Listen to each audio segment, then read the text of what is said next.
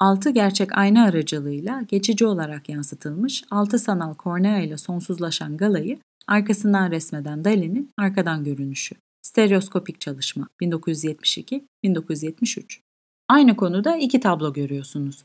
Sırtı bize dönük olan Dali, galayı sırtından resmediyor. İki figür arkadaki aynadan yansıyor. Yüzlerini görüyoruz. Bu konu ele alınışı itibariyle 17. yüzyıl İspanyol ressamı Diego Velázquez'in Las Meninas tablosunu hatırlatıyor bize.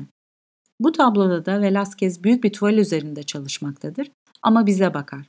Arkada bir ayna vardır ama bu ayna Velázquez'i değil, Velázquez'in olasılıkla resmettiği Kral 4. Felipe ve Kraliçeyi yansıtır. Ancak Dali'nin bu iki resminin birbirinin aynısı olmadığına dikkat edin. Arkadaki aynanın çerçevesine bakın. Biri diğerinden farklı görünüyor. Pencerenin yanındaki küçük sıranın uzunluğuna dikkat edin.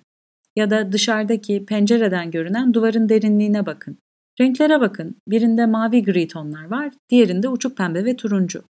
Bu iki resim farklı. Çünkü çok az da olsa birbirinden farklı bakış açılarından resmedilmişler. Bu bakış açıları insanın sağ ve sol gözlerinin yine çok az da olsa farklı bakış açılarına denk düşüyor.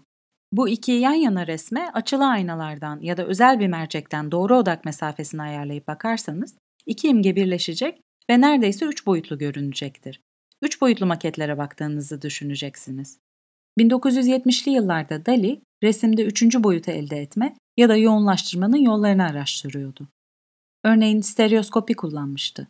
Opart yani optik sanat, kinetik sanat ve hipergerçekçi resim gibi o dönemin deneysel akımlarından da etkilenmişti.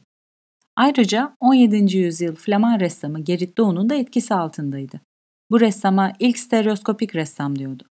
Dali'nin bizzat kurduğu tiyatro müzeye ayrılan bölümde diğer stereoskopik tablolarını da görebilirsiniz.